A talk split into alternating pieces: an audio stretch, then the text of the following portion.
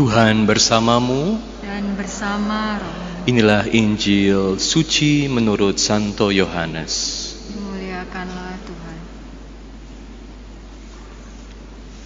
Pada waktu itu ada pesta perkawinan di Kana yang di Galilea dan ibu Yesus ada di situ. Yesus dan murid-muridnya diundang juga ke perkawinan itu. Ketika mereka kekurangan anggur, ibu Yesus berkata kepadanya, "Mereka kehabisan anggur." Kata Yesus kepada ibunya, "Mau apakah engkau dari aku, ibu? Saatku belum tiba." Tetapi ibu Yesus berkata kepada pelayan-pelayan, "Apa yang ia katakan kepadamu, lakukanlah itu." Di situ ada enam tempayan yang disediakan untuk pembasuhan menurut adat orang Yahudi. Masing-masing isinya 80 atau 120 liter. Yesus berkata kepada pelayan-pelayan itu, "Isilah tempayan-tempayan itu penuh dengan air." Mereka pun mengisinya sampai penuh. Sesudah itu kata Yesus kepada mereka, "Sekarang cedoklah dan bawalah kepada pemimpin pesta." Lalu mereka pun membawanya. Setelah pemimpin pesta itu mencicipi air yang telah menjadi anggur itu, dan ia tidak tahu dari mana datangnya. Tetapi pelayan-pelayan yang mencadok air itu mengetahuinya. Ia memanggil mempelai laki-laki dan berkata kepadanya, "Setiap orang menghidangkan anggur yang baik dulu, dan sesudah orang puas minum, barulah yang kurang baik. Tetapi engkau menyimpan anggur yang baik sampai sekarang." Hal itu dilakukan Yesus di Kana yang di Galilea sebagai yang pertama dari tanda-tandanya. Dengan itu Yesus telah menyatakan kemuliaannya dan murid-muridnya percaya kepadanya. Demikianlah Injil Tuhan. Terpujilah Kristus. Apa yang ia katakan kepadamu, lakukanlah itu. Saudara-saudari sekalian terkasih dalam Kristus, dalam Injil hari ini kita mendengar kisah perkawinan di Kana. Kisah di mana Yesus mengubah air menjadi anggur.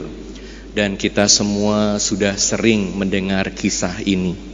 Hari ini kita mau diingatkan dengan kisah ini. Pentingnya untuk mohon kehadiran Yesus di dalam keluarga kita. Pentingnya mohon kehadiran Yesus dalam keluarga kita. Dalam Injil ini pertama kita melihat bagaimana pengantin kehabisan anggur. Kedua, Bunda Maria menyampaikan kepada Yesus mereka kehabisan anggur. Dan ketiga, Bunda Maria mengingatkan kepada para pelayan apa yang dikatakan kepadamu, diperintahkan kepadamu, lakukanlah. Dari hal-hal ini ada banyak hal yang kita bisa pelajari. Pertama, ketika Injil berbicara mengenai anggur, apa artinya anggur? Tentu pesta perkawinan adalah perayaan cinta kasih, perayaan hidup, perayaan yang dipersiapkan dengan baik. Anggur menjadi lambang sukacita, kebahagiaan dalam hidup. Makanya anggur ini menjadi elemen yang sangat penting dalam perayaan hidup.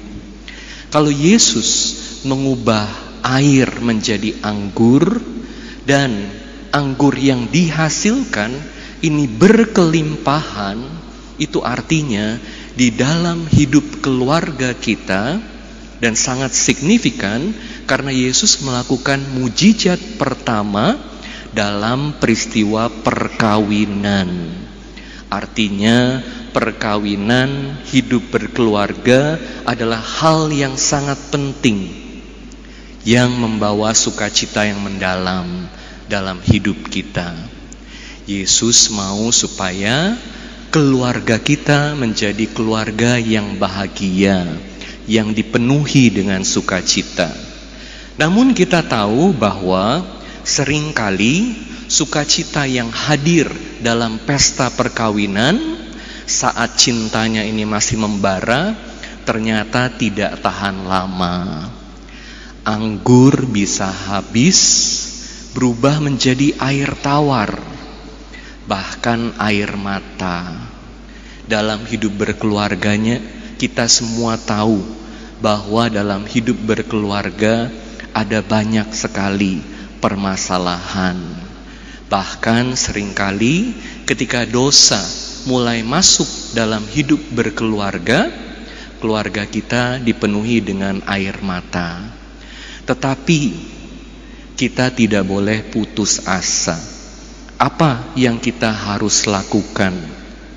Kita perlu mencontoh teladan Bunda Maria, datang kepada Yesus dan menyampaikan situasi kita.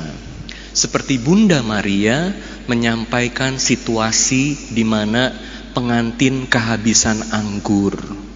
Jadi, saat keluarga kita mengalami masalah, harus berdoa. Kapan terakhir kali Anda berdoa bersama sebagai satu keluarga? Seorang ayah perlu memimpin anggota keluarganya untuk doa sama-sama. Seorang ibu ajak anak-anaknya untuk doa sama-sama. Satu keluarga yang berdoa bersama, Tuhan juga selalu persatukan, selalu lindungi, supaya ada jawaban dari berbagai kesulitan hidup. Ketika kita berdoa, tentu bukan berarti bahwa segala masalah akan beres sesuai dengan apa yang kita inginkan, karena Tuhan selalu punya waktunya, punya caranya tapi kita perlu beriman seperti Bunda Maria, selalu melakukan apa yang Yesus katakan. Kenapa kok dalam Injil ini Yesus mengatakan saatku belum tiba? Apa artinya saatku belum tiba? Kita ingat bahwa Injil yang baru saja kita dengar ini adalah Injil Yohanes. Dan di dalam Injil Yohanes ketika Yesus berbicara mengenai saatku, itu artinya Yesus berbicara mengenai saat di mana Yesus dimuliakan oleh Allah. Itu adalah saat di mana Yesus secara penuh taat kepada Allah, kepada rencana Allah, dan dalam ketaatannya ini berarti Yesus mengorbankan hidupnya. Ini adalah saat Yesus, saat kemuliaan Yesus, saat pengorbanan Yesus. Jadi, apa hubungannya dengan kisah perkawinan di Kana? Kisah perkawinan di Kana berbicara mengenai perayaan hidup. Ada anggur yang habis dan air yang diubah menjadi anggur yang berkelimpahan. Ini mengingatkan kita kepada janji Allah. Kalau Anda perhatikan, bacaan pertama diambil dari kitab Yesaya. Di dalam kitab Yesaya dikatakan bahwa Allah ini mau menyediakan pesta perkawinan untuk umatnya dengan anggur yang berlimpah.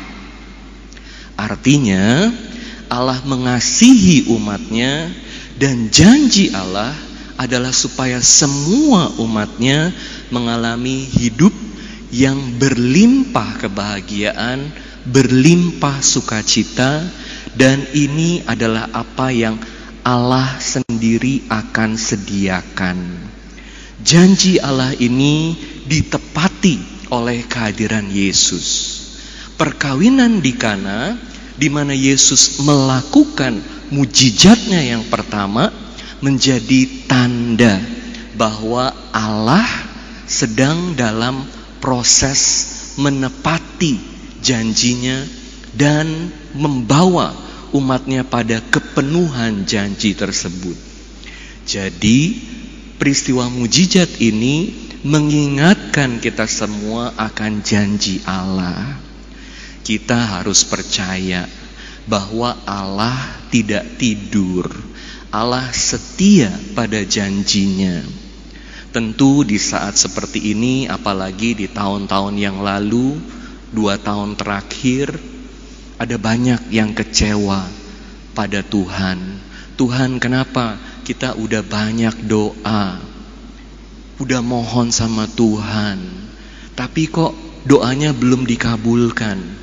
Atau tidak terjadi sesuai dengan rencana kita, sesuai dengan apa yang kita mau? kita perlu ingat bahwa Tuhan itu selalu memperhatikan kita dan rencana Tuhan adalah bahwa Dia akan menyediakan pesta buat kita semua di mana anggurnya berkelimpahan. Kalau Anda dengar bacaan ini ada berapa tempat air? Tempat airnya ada berapa? Dan masing-masing tempat air ini isinya berapa liter? Jadi di sini kita ingat ada enam tempayan dan setiap tempayan dikatakan masing-masing isinya 80 atau 120 liter. Jadi kalau 80 kali 6 atau 120 kali 6 ini berapa? Berapa ratus liter? Artinya berapa ratus botol anggur. Maksudnya apa? Maksudnya adalah Allah selalu mau memberikan kebahagiaan, sukacita yang berlimpah. Dan itu yang dilakukan oleh Yesus. Makanya kita tidak boleh berhenti berharap. Tidak boleh berhenti percaya. Tidak boleh berhenti berdoa. Selalu mengundang Yesus dalam hidup kita. Dan dengan demikian Yesus juga yang menjadi kepala dalam keluarga kita. Lalu sesudah berdoa, apa yang kita harus lakukan? Kata-kata lain dari Bunda Maria yang kita dengar, yang kita bisa belajar adalah lakukan apa pun yang dikatakan kepadamu. Artinya, kalau kita mau sungguh-sungguh menerima janji Tuhan, kita juga perlu taat mengikuti perintah Tuhan apa perintah Tuhan kepada kita? Untuk saling mengasihi satu dengan yang lain, seperti Yesus sendiri mengasihi kita. Oleh karena itu, di dalam keluarga, Yesus sendiri menjadi kepala. Yesus perlu kita undang untuk hadir dalam keluarga kita. Jadi, sekali lagi, pertanyaannya kepada Anda sekalian Apakah Yesus sungguh hadir dalam keluarga Anda? Kapan terakhir kali Anda mohon supaya Yesus menjadi kepala dalam keluarga Anda? Kapan terakhir kali Anda berdoa bersama sebagai satu keluarga? Lakukan nggak doa bersama sebagai satu keluarga? Mohon supaya Yesus hadir dalam keluarga Anda. Ada banyak tantangan dalam keluarga, tapi bersama Yesus kita bisa belajar untuk hidup sesuai dengan rencana Allah. Dan rencana Allah selalu yang terbaik buat kita. Rencana Allah adalah supaya semua orang hidup dalam kelimpahan sukacita. Saat saya mempersiapkan khotbah ini, saya ingat kepada pasangan suami istri yang sekarang sudah jadi santo dan santa. Mereka adalah orang tua dari Santa Teresia dari kanak-kanak Yesus. Namanya Louis dan Zeli Moncton. Jadi kalau Anda tahu Santa Teresia dari kanak-kanak Yesus, hidupnya sangat indah. Dia sangat suci. Tapi kesuciannya ini karena juga pengaruh dari orang tua yang hidup dalam kesucian. Hidupnya Louis dan Zeli ini bukan hidup yang tanpa masalah. Bahkan cita-cita masa muda mereka tidak bisa terpenuhi. Waktu mereka masih muda, Louis itu kepengen jadi Romo. Dan istrinya Zeli ini kepengen jadi suster. Satu kepengen jadi Romo, satu kepengen jadi suster. Tapi ternyata cita-cita mereka tidak bisa dipenuhi karena Louis gagal dalam bahasa Latin, jadi nggak bisa terus jadi Romo. Sementara istrinya ini gagal dalam kesehatan, jadi nggak bisa jadi suster. Tapi waktu mereka bertemu, lalu Zeli ini mendapatkan suara, ini pria buat kamu. Jadi dia dengar suara itu dan dia mantep. Jadi mereka kemudian menikah. Waktu mereka menikah, mereka setuju satu dengan yang lain untuk terus hidup selibat.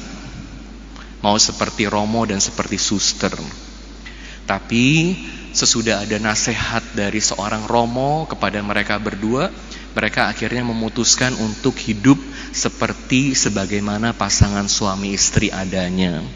Dan gak tanggung-tanggung mereka sampai punya banyak anak, ada sembilan anak.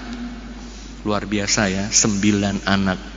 Namun demikian sekali lagi, hidup keluarga mereka juga bukan tanpa masalah. Dari sembilan ada empat anaknya yang meninggal.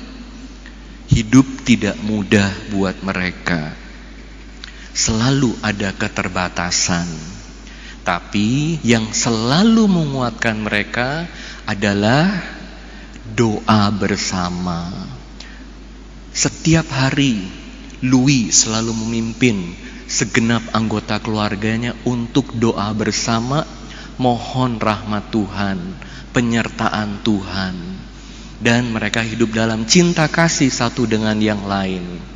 Louis ini bekerja sebagai pembuat jam dan Zeli bekerja sebagai pembuat renda. Tapi karena istrinya lebih berhasil, kemudian Louis jual usahanya untuk bantu istrinya. Seorang suami yang bersedia berkorban untuk istrinya. Tuhan sungguh hadir dalam keluarga mereka, dan dengan kehadiran Tuhan dalam keluarga mereka, kebahagiaan yang mereka alami ini bukanlah kebahagiaan yang dangkal atau sukacita yang dangkal. Seringkali dalam hidup berkeluarga sukacitanya dangkal. Oh, yang penting kita punya mobil keren, punya rumah bagus, bisa makan enak, bisa ke mana-kemana jalan-jalan. Tentu ini adalah hal-hal yang baik, tapi ada yang lebih baik yang kita harus cari. Rahmat Tuhan, kehadiran Tuhan dalam hidup kita. Jadi bukan hanya sekedar sukacita yang dangkal, tapi sukacita yang mendalam karena Allah hadir dalam hidup kita. Kita mohon supaya sungguh Allah yang menjadi pemimpin dalam hidup kita sehingga berbagai masalah bersama Tuhan kita bisa lalui air diubah oleh Yesus menjadi anggur. Amin.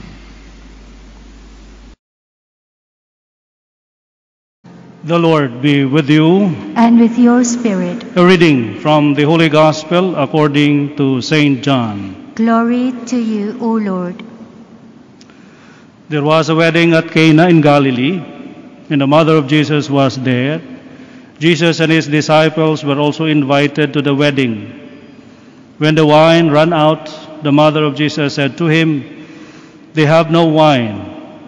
And Jesus said to her, Woman, how does your concern affect me? My hour has not yet come. His mother said to the servers, Do whatever he tells you. Now there were six stone water jars there for Jewish ceremonial washings, each holding 20 to 30 gallons. Jesus told them, Fill the jars with water. So they filled them to the brim. Then he told them, Draw some out now and take it to the head waiter. So they took it. And when the head waiter tasted the water that had become wine, without knowing where it came from, although the servers who had drawn the water knew, the head waiter called the bridegroom and said to him, Everyone serves good wine first, And then, when people have drunk freely, an inferior one. But you have kept the good wine until now. Jesus did this at the beginning of his signs at Cana in Galilee, and so revealed his glory. And his disciples began to believe in him. The Gospel of the Lord. Praise to you, Lord Jesus Christ. Please be seated.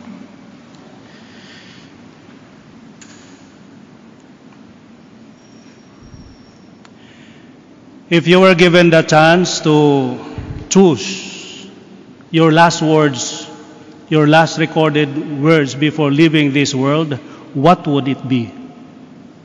What is that word or words that you would like to utter as a final recorded words of you in this world?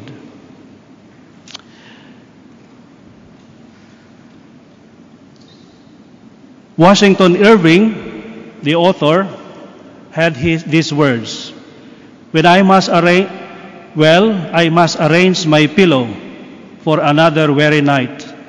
When will this end? Then he died. Another person, Ludwig van Beethoven, the composer, to the people surrounding him at his deathbed, uttered this word Upload friends, the comedy is over. So he is really, a, truly a composer. But there are some people who utter words as a sign of yeah, accomplishment. Just like uh, Nelson or Horatio Nelson, who uttered these words Thank God I have done my duty. But Edgar Allan Poe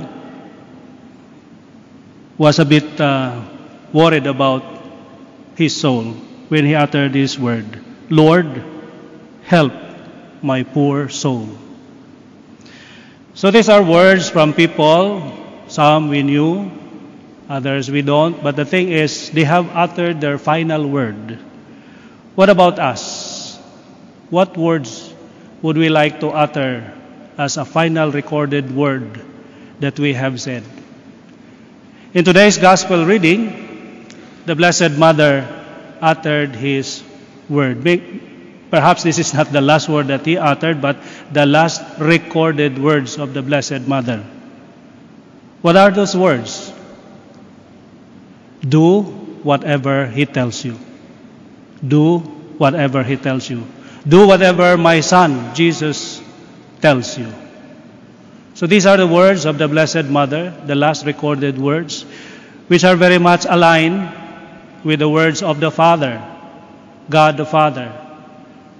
When he said to Peter, James, and John, after our Lord Jesus Christ transfigured, he uttered this word This is my beloved Son. Listen to him. So these are the words of the Father and of course the word of the Blessed Mother telling us to listen to our Lord Jesus Christ and to do whatever He tells us. But we may ask, what are what are the things that our Lord Jesus Christ uh, have told us? There are many of those. Then what? Which one shall we do? Of course, we can summarize all of them into big clusters, perhaps two clusters. One is love one another as I have loved you. And the other one, which may not be very uh, familiar to us, is forgive one another as I have forgiven you. If we cling to these words and do them, then I guess we have done a lot. To love one another as I have loved you. Now, how does Jesus Christ love us? How much does He love us? This much? This much? No. This much. Meaning to say, our Lord Jesus Christ really give it all for all of us to prove that He loved us. No greater love than this, than to lay down one's life for his friend. So he called us his friends, his brothers and sisters, and he died for us. That's how much our Lord Jesus Christ loved us. And there are some people who somehow also manage to manifest this love to, to somebody. A mother, for instance, running away from the lava that uh, overflow from the newly erupted volcano. So he, she was running, running, and then of course she anticipated that she will not survive, or she will not outrun the lahar, the lahar, not anymore the lava, but the lahar. So, last minute she thought of saving her child. How? How to save her child? So she wrapped the child well with uh, thick cloth, and when she was finally overtaken by the lahar, the mud flow, water, then uh, ash from the mount, uh, from the volcano, he refused to fall down, but really stood up, so that he would be, she would be uh, taller. Because if she falls down, falls down, then of course she cannot be seen anymore. So she stood her ground, and then when the lahar was already above her shoulder and about to cover her head, she raised her hand. and that's why when the rescuers came, yeah, she saw the hand of the, the mother. And that's the time that they started digging and miracle happened. The child was still alive.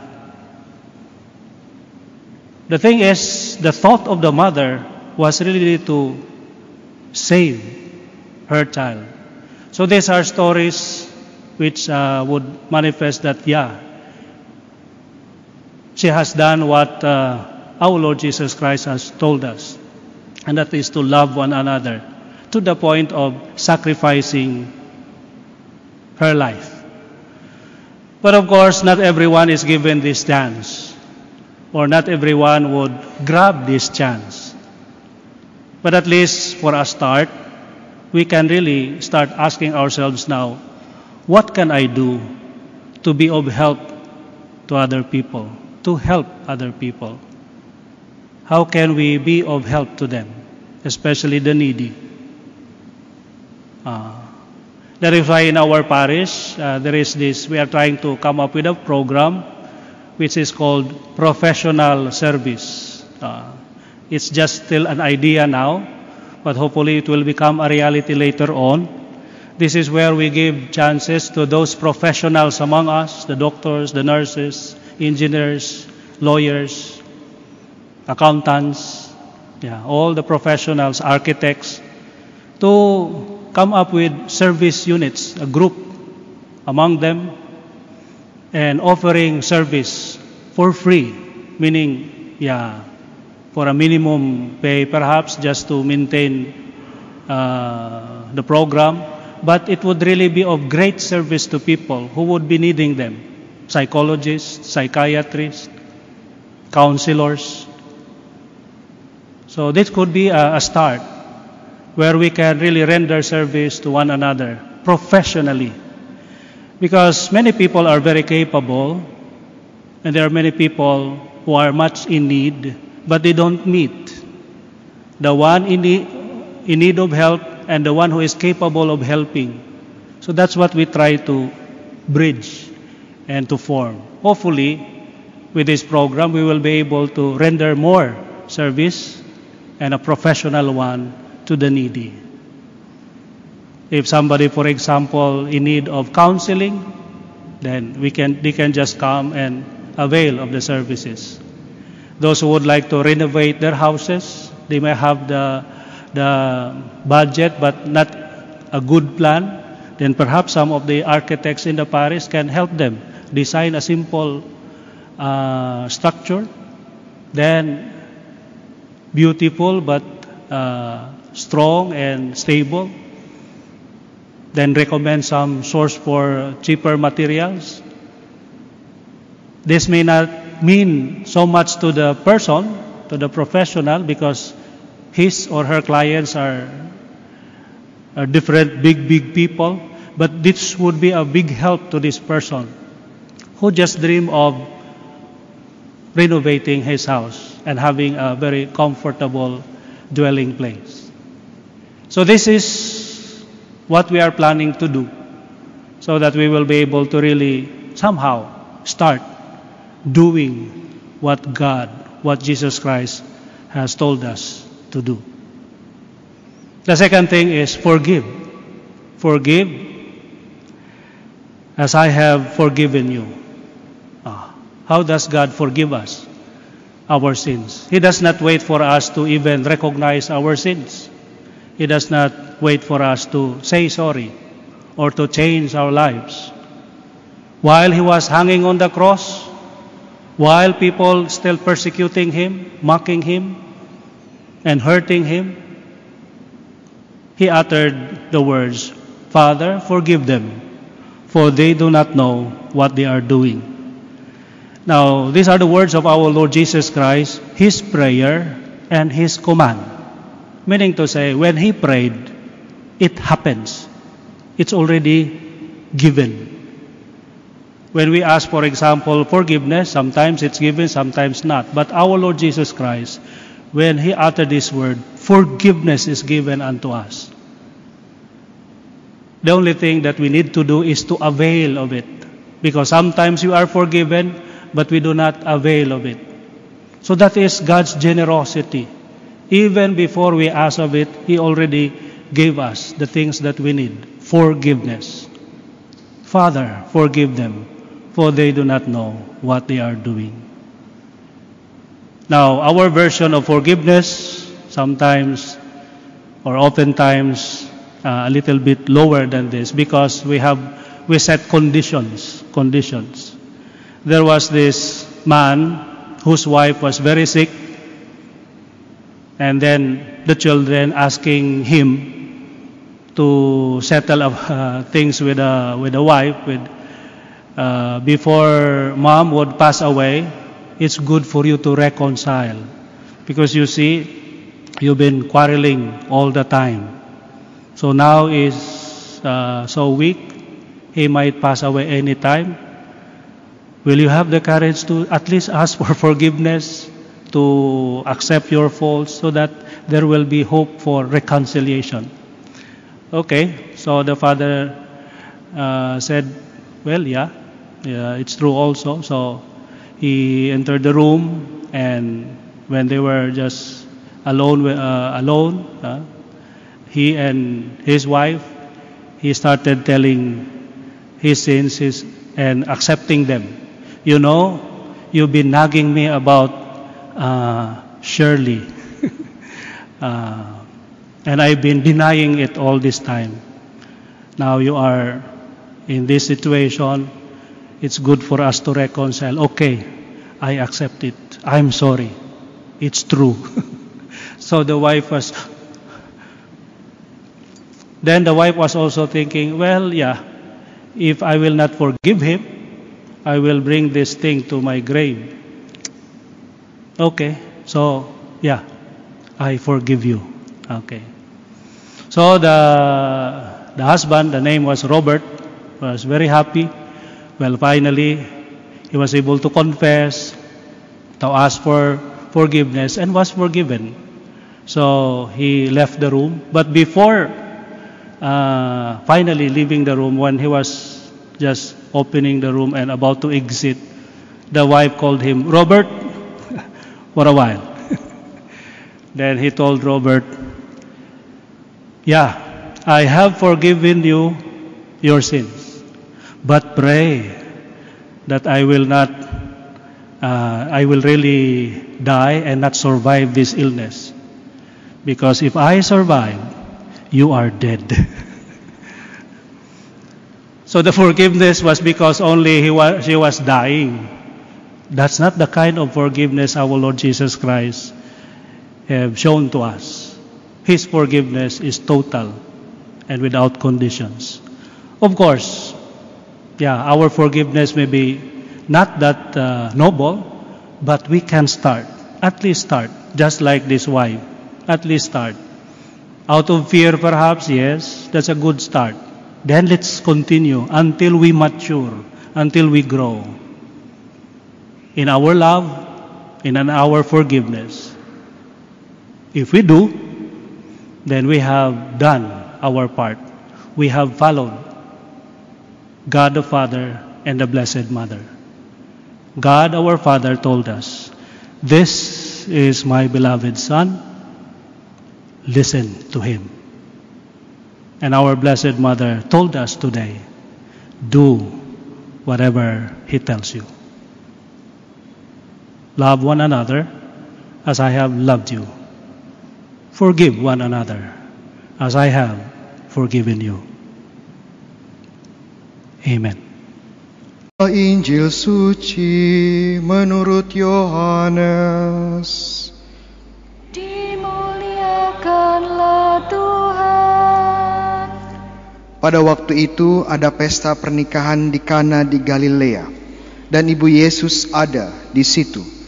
Yesus dan murid-muridnya diundang juga ke perkawinan itu. Ketika mereka kekurangan anggur, ibu Yesus berkata kepadanya, "Mereka kehabisan anggur." Kata Yesus kepada ibunya, "Mau apakah engkau dari aku, ibu? Saatku belum tiba."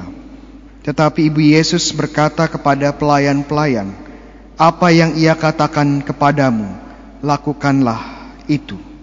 Di situ ada enam tempayan yang disediakan untuk pembasuhan menurut adat orang Yahudi. Masing-masing isinya 80 atau 120 liter. Yesus berkata kepada pelayan-pelayan itu, Isilah tempayan-tempayan itu penuh dengan air. Mereka pun mengisinya sampai penuh. Sesudah itu kata Yesus kepada mereka, Sekarang cedoklah dan bawalah kepada pemimpin pesta. Lalu mereka pun membawanya. Setelah pemimpin pesta itu mencicipi air yang telah menjadi anggur itu, dan ia tidak tahu dari mana datangnya. Tetapi pelayan-pelayan yang mencedok air itu mengetahuinya. Ia memanggil mempelai laki-laki dan berkata kepadanya, "Setiap orang menghidangkan anggur yang baik dahulu, dan sudah orang puas minum, barulah yang kurang baik. Tetapi engkau menyimpan anggur yang baik sampai sekarang." Hal itu dilakukan Yesus di Kana di Galilea sebagai yang pertama dari tanda-tandanya dengan itu Yesus telah menyatakan kemuliaannya dan murid-muridnya percaya kepadanya. Demikianlah sabda Tuhan. Terpujilah Kristus. Saudara-saudari yang terkasih, satu hal yang saya syukuri sebagai seorang imam muda adalah saya diberi kesempatan untuk pergi ke tanah suci. Dan tentu saja di Israel itu saya mengunjungi tentu dengan para peziarah yang lain kota Kana di Galilea. Siapa di sini yang sudah pernah ke Kana di Galilea? Ya, pasti ada ya. Kalau belum bagaimana Romo? Gak apa-apa ya. Nanti silahkan nabung bisa pergi dengan saya. Yang menarik di Kana di Galilea itu ada sebuah gereja ya dan gereja ini dipercaya didirikan di atas tempat waktu Yesus mengadakan tanda atau mukjizat pertamanya. Dan karena ini gereja karena gereja ini dipercaya sebagai tempat mukjizat dan tempat pernikahan di Kana, maka banyak sekali para pasangan-pasangan suami istri yang memperbarui perjanjian nikah mereka. Dan saya juga memperbarui itu. Bukan saya yang menikah ya, tapi saya memimpin ibadat pembaharuan pernikahan dari para peziarah-peziarah yang ikut yang bersama dengan saya. Satu hal momen yang sangat menarik adalah salah satu pasangan yang memperbarui janji nikah itu adalah orang tua saya. Ya. Dan menurut saya agak aneh gitu ya. Orang tua saya memperbarui janji nikah mereka di depan anak mereka. Ya, ya aneh, rasanya aneh. Tapi di sisi lain ya saya juga bersyukur ya. Bersyukur sekali kepada Tuhan bisa mengalami hal itu dan juga bisa menyaksikan bagaimana orang tua saya dan juga pasangan-pasangan yang lain setia berpuluh-puluh tahun. Dan mereka tetap satu sebagai suami dan istri. Saya percaya dan bersyukur bahwa ini bukan hanya kekuatan manusia, tapi Tuhan sendiri yang bekerja. Sahabat-sahabat yang terkasih, kalau kita lihat dunia sekarang ini, hidup pernikahan, hidup keluarga itu segudang permasalahannya. Banyak sekali dan semakin pelik. Yang namanya cerai itu sekarang sudah menjadi new normal. Ya. Yang namanya ketidaksetiaan atau selingkuh itu mungkin menjadi suatu yang lumrah juga. Belum lagi yang namanya kekerasan di dalam rumah tangga. Ini biasanya menghiasi berbagai situs-situs berita di Indonesia dan di mana pun juga. Belum lagi kita lihat generasi muda sekarang secara khusus di kota-kota besar tidak melihat lagi pernikahan sebagai bagian dasar dan esensial dari rencana hidup mereka. Ada yang menikah tapi memilih tidak mau punya anak. Ya, child free. Ya, buat apa punya anak ya? Repot. Ya, buat apa punya anak? Ya, ngabis-ngabisin uang, buat stres segala macam, ya. Dan ada juga yang akhirnya ya karena punya anak ya tidak mau ngurusnya dikasih ke babysitter, ya, ke suster. Iya kalau babysitter, kalau susternya baik, ngerti mendidik anak. Kalau enggak bagaimana?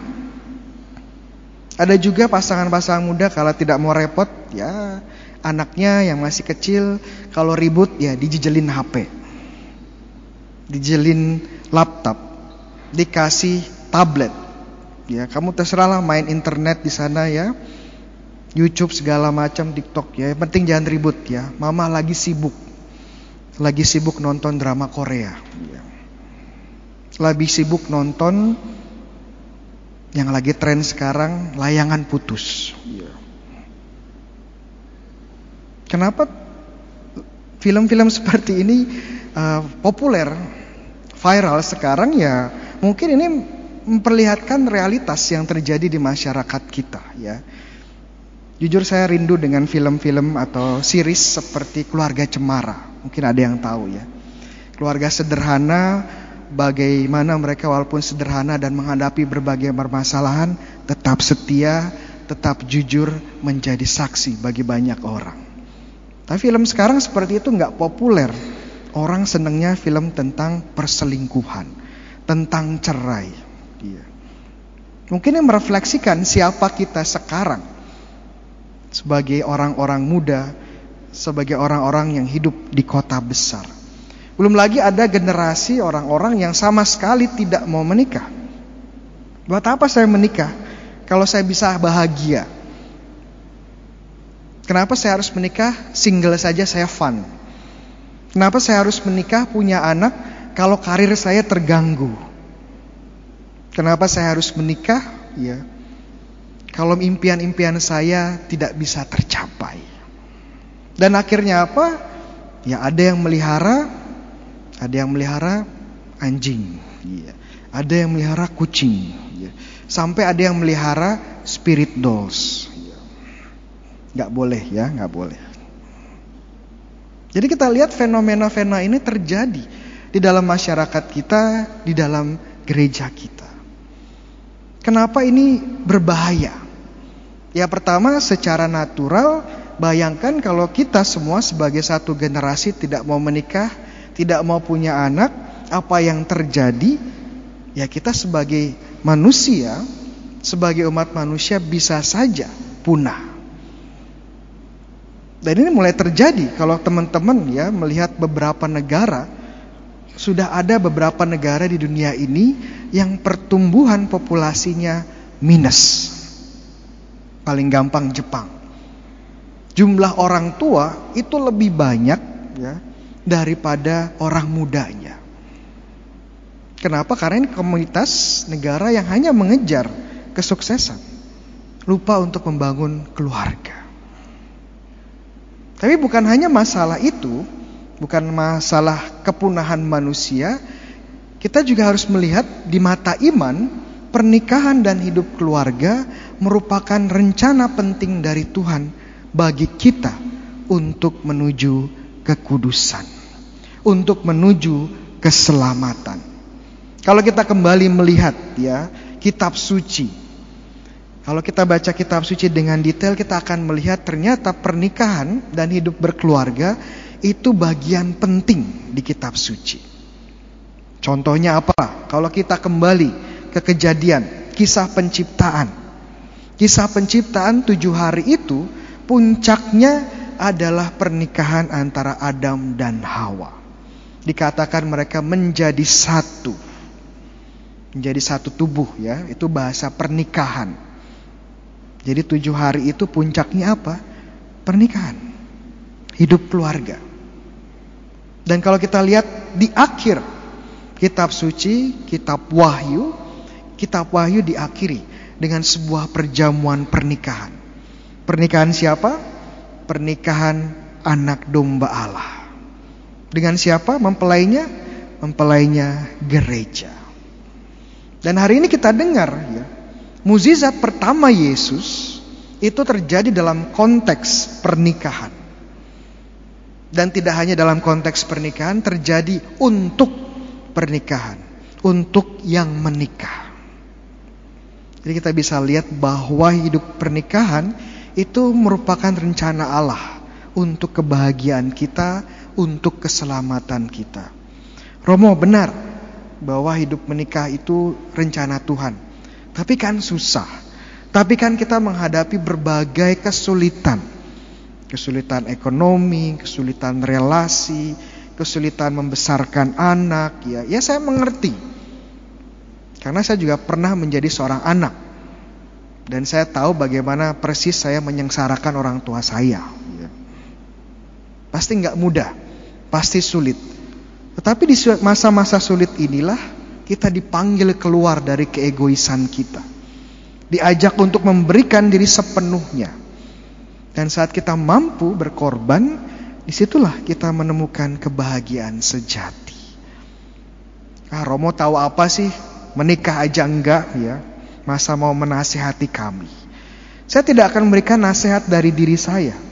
Tapi saya mengajak teman-teman merefleksikan kitab suci dan Injil hari ini rahasia pernikahan yang berhasil itu seperti apa sih? Kalau kita baca di dalam kitab suci hari ini, ya, kenapa pasangan yang menikah berhasil atau mereka terhindar dari masalah yang besar, kehabisan anggur karena mereka mengundang Yesus dan bundanya di dalam pernikahan mereka. Menurut saya itu satu kunci penting di dalam hidup pernikahan. Sudahkah kita mengundang menjadikan Yesus dan Bunda Maria sebagai bagian esensial dari pernikahan dan hidup keluarga kita? Makanya kenapa gereja mengajak orang menikah, umat Katolik menikah ya di gereja, di dalam gereja. Enggak di catatan sipil, enggak di pantai ya. Tapi di gereja, kenapa? Karena gereja ingin agar pasangan-pasangan ya memasukkan Tuhan di dalam rencana hidup mereka. Gereja ingin dan mengingatkan bahwa pernikahan itu bukan hanya usaha manusia, tapi rahmat Tuhan. Kalau kita ingat ya, uh, mungkin masih ingat waktu dulu menikah dan mungkin yang akan menikah, ada bagian kecil. Di situ setelah sungkeman ya orang tua biasanya akan memberikan bekal. Bekalnya ini biasanya salib, rosari dan Bible, kitab suci. Ya, dramatis ya, habis nangis, nangis gitu ya. Dikasih bekal ya. Tapi kemudian saya nggak tahu apakah rosarinya dipakai, salibnya dipasang, kitab sucinya dibaca, saya nggak tahu.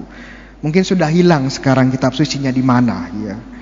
Tapi itu simbol penting ya bahwa orang tua pun ingin kita membawa Yesus dan bundanya di dalam hidup pernikahan kita. Makanya saya selalu bilang sama pasangan-pasangan muda dan juga yang masih pacaran, kalian pacaran pacaran kudus. Mulailah dengan saling mendoakan dan mulailah dengan membiasakan diri berdoa bersama. Setiap hari, setiap malam.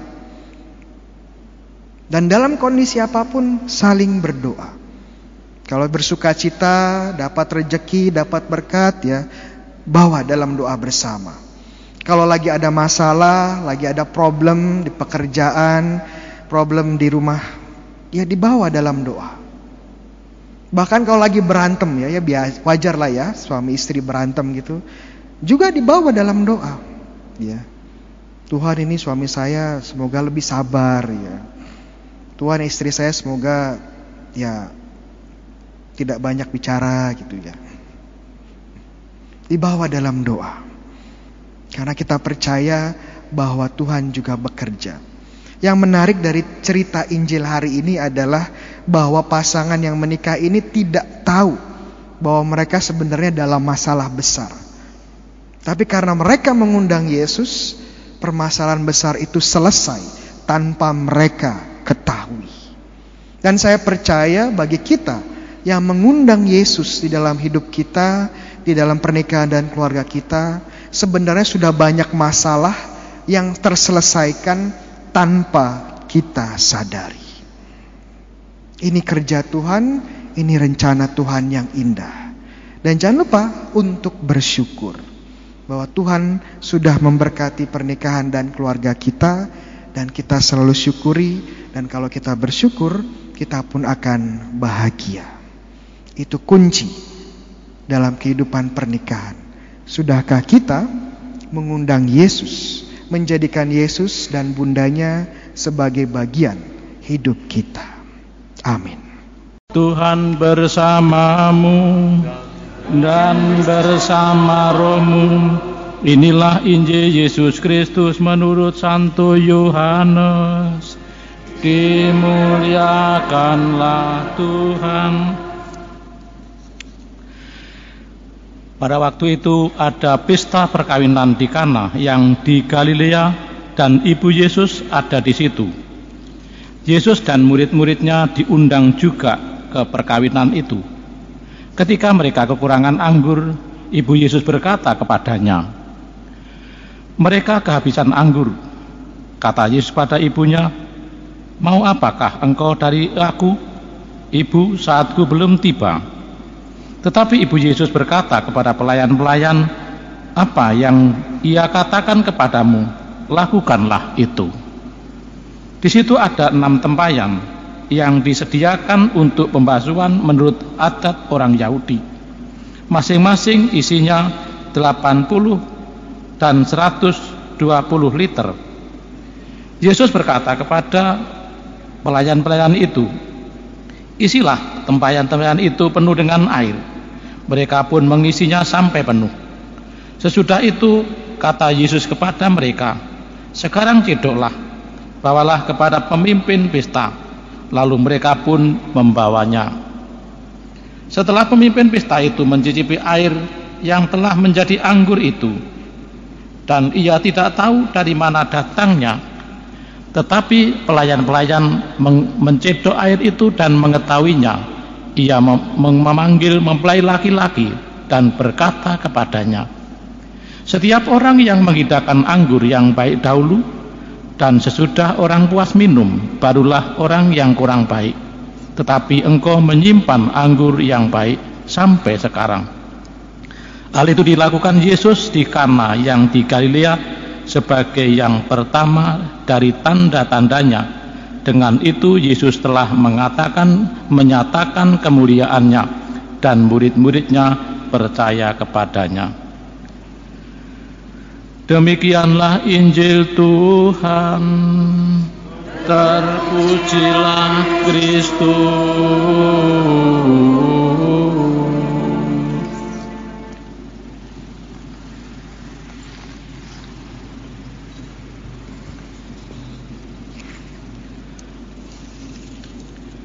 Dalam situasi COVID ini yang sudah dua tahun banyak keluarga-keluarga mengalami banyak kehilangan pekerjaan. Imam pun juga banyak pekerjaan yang hilang karena biasanya misa tidak ada misa, hanya online. Dan banyak yang lain, pelayan-pelayanan sakramen akhirnya juga tidak berjalan karena umatnya takut. Sekarang ini untuk dikembalikan dalam situasi sekarang untuk bisa normal kembali ke gereja kembali biarpun disediani tempat yang luas ya. Tapi umat ya juga masih banyak yang takut.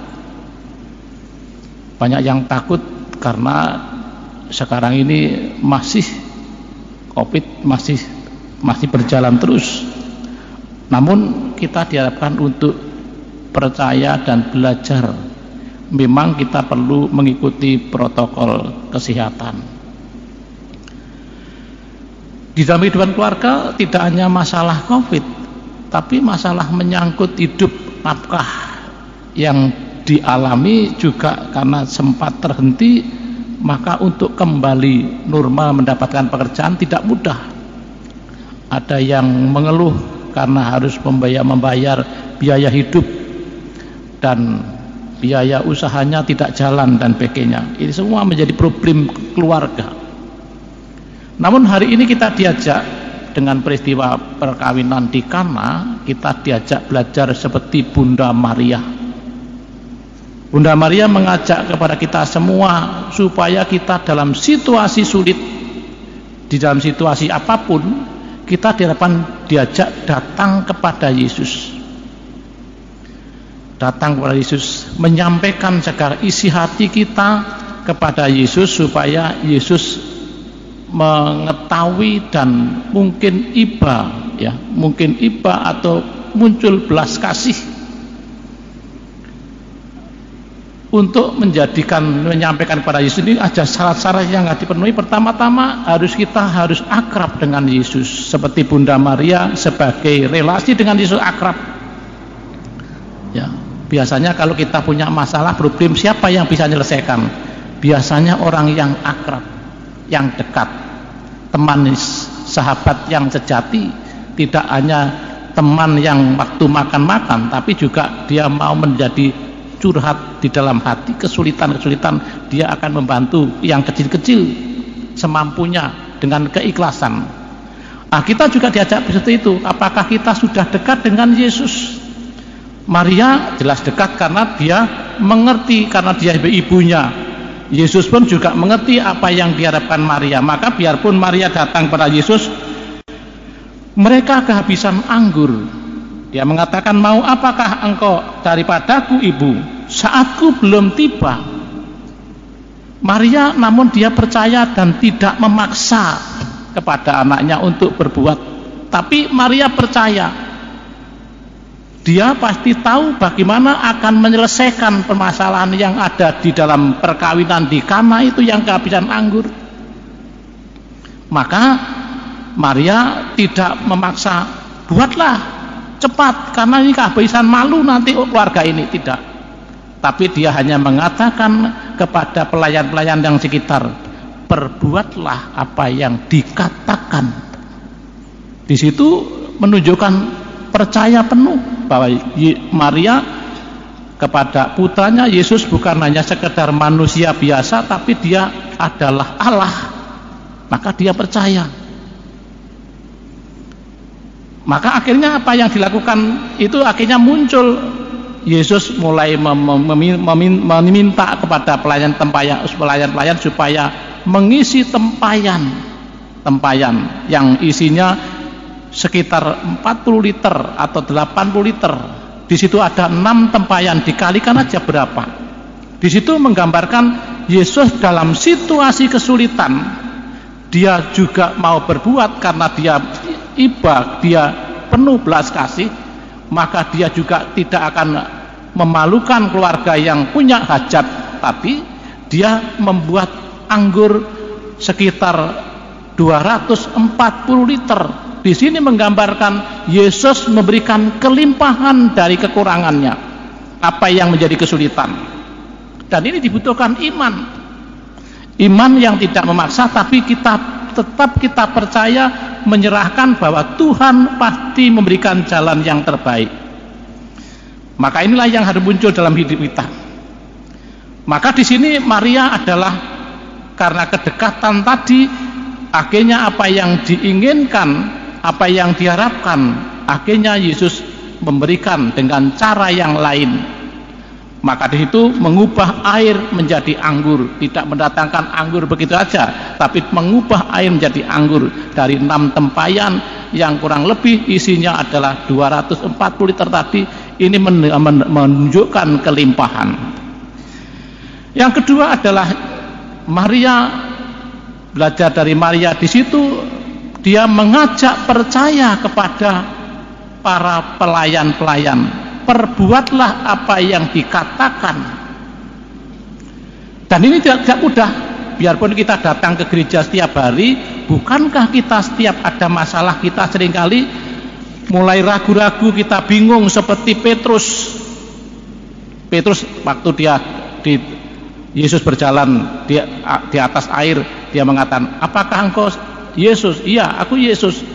Tolonglah aku juga bisa berjalan dengan kata di atas air. Berjalanlah dia berjalan, namun dalam perjalanan waktu apa? Dia ragu-ragu dan tidak percaya lagi, akhirnya tenggelam. Maka di sini kita diajak untuk belajar itu tidak ada ragu-ragu lagi bahwa Yesus akan berikan jalan. Maka di sini Maria mengajak kita supaya apa? Mengajak supaya belajar mendengarkan sabdanya. Dan ini sering kali kita biarpun mendengarkan sabda Tuhan, tapi tetap kita masih ada banyak keraguan.